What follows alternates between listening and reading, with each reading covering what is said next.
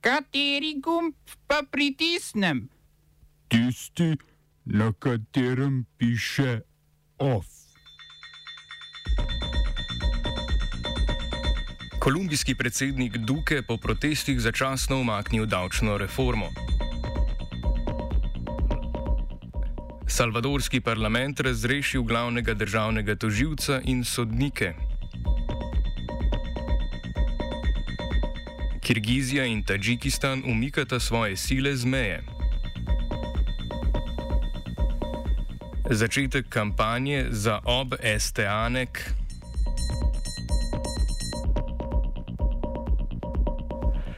Kolumbijski predsednik Ivan Duque je po množičnih protestih začasno umaknil predlog davčne reforme. Desna vlada Dukeja je predlagala reforme, ki vključujejo razširjene davke za državljane in lastnike podjetij ter povišanje davkov od prodaje hrane, komunalnih storitev in benzina. Odpravili bi tudi številne trenutne olajšave ter povišali davke podjetjem. Več deset tisoč protestnikov se je na pobudo kolumbijskih sindikatov v sredo udeležilo protestov. Duke bo sicer še enkrat pregledal reforme, vendar pravi, da jih v celoti ne bodo umaknili.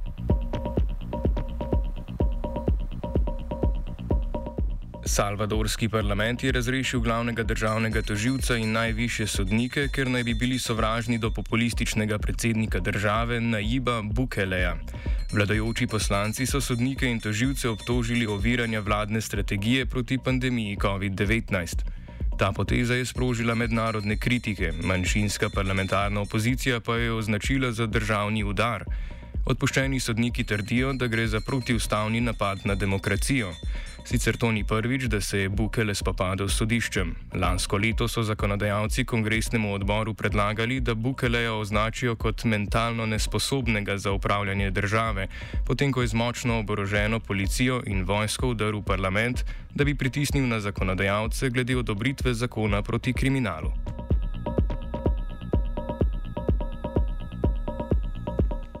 Južna Afrika je prepovedala gojenje levov za lov na trofeje in turistične izkušnje božanja mladičev.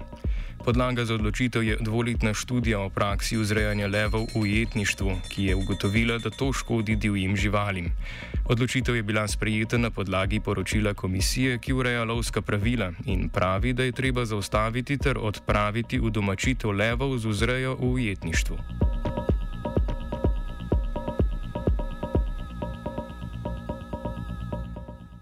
Vojaški svet Čada pod vodstvom Mahamata Debija, sina pokojnega predsednika Idrisa Debija, je imenoval prehodno vlado. Mahamat je imenoval vlado 40 ministri ter ustanovil novo ministrstvo za narodno spravo. Vojaški svet je napovedal tudi ukinitev policijske ure, ki je bila vzpostavljena po Debijevi smrti. Mahamatu pa nista naklonjeni opozicijska koalicija in civilna družba, ki že nekaj dni protestirata proti vojaškemu svetu.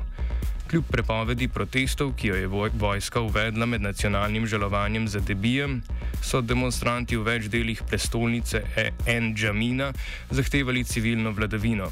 Mahamata obtožujejo institucionalnega državnega udara.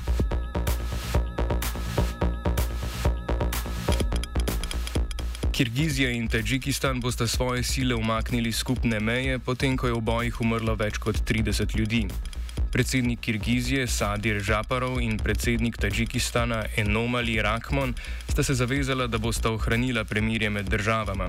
Boji so se začeli, ko je želel Tadžikistan postaviti nadzorne kamere za nadzor vodovoda na reki Isfara v bližini kirgiškega vasi.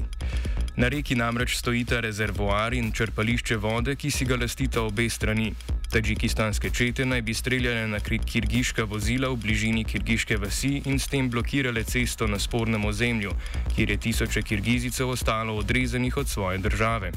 Kirgizija je Tadžikistan obtožila, da v bližini enklave Voruk postavlja svoje čete in tja prinaša vojaško opremo.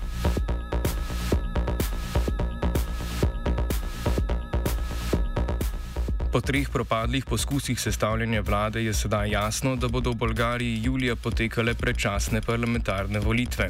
Bolgarska socialistična stranka bo sicer mandat za sestavo vlade prejela v sredo, a ga bodo po besedah njihove vodje Kornelije Ninove takoj vrnili zaradi pomankanja podpore. Mandatu so se pred njim zaradi pomankanja podpore drugih strank odrekli tudi drugi dve največji bolgarski stranki, dosedaj vladajoča konzervativna stranka Gerb in anti-establishmentska obstaja takšen narod. Predsednik Rumen Radov bo tako moral razpustiti parlament in imenovati začasno vlado. Oba, če, če bom odgovoril na angliški. Slovenija will try to help. We can Slovenija will and we will do our utmost. To say that the situation is our problem ourselves. and uh, We will Make further steps as soon as the conditions are. bomo vlado Marjana Cererja, Mira, Marjana Cererja Šarca podprli.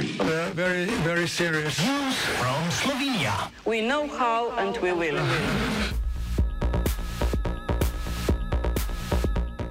Ob današnjem svetovnem dnevu svobode medijev se je tudi uradno začela bitka za ob STA-nek slovenske tiskovne agencije.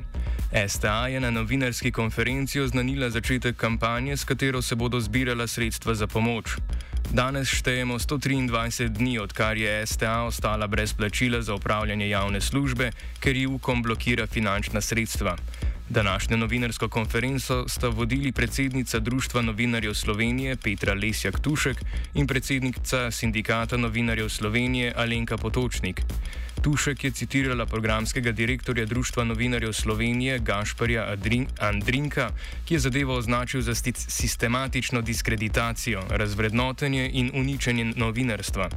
Tušek citira novinarja časnika Novi Matajur Blaža Močnika. Še bolj kot poziv za podporo je kampanja za STA prošnja, da razumete, zakaj je pomembno podpreti temelj profesionalnega novinarstva v Sloveniji. Nabirka za družbo v državni lasti je izenačena z zbiranjem denarja po naravni katastrofi ali za bolnega otroka. Je tudi samo poniževanje, ampak izbire ni več. Da, tako daleč smo prišli. Sramotimo se doma in pred Evropo. Donacija na 1919 je tudi sredinec proti brezobrazni hunti, ki nasili na okope. Kako vidi medije, se nažalost lahko prepričamo na nekih novih televizijah s srednjeveško podobo in miselnostjo. In se zgrozimo, lahko pa se tudi upremo in podpremo.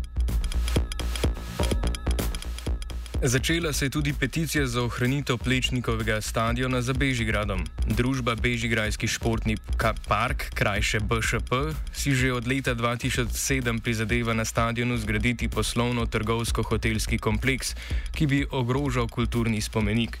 Ministrstvo za kulturo je lani zavrnilo kulturno-varstveno dovoljenje, ki je pogoj za pridobitev gradbenega dovoljenja. Direktor BŠP-ja Joc Pečečnik pa je kljub temu na nedavni novinarski konferenci izjavil, da od projekta ne bo odstopil in uložil kazenske ovadbe ter tožbe na Ministrstvo za okolje in prostor.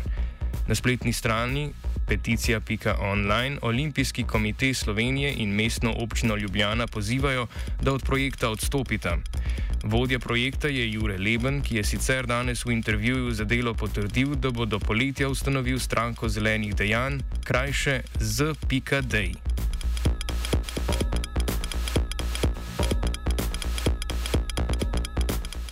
Off je napisala Nikol.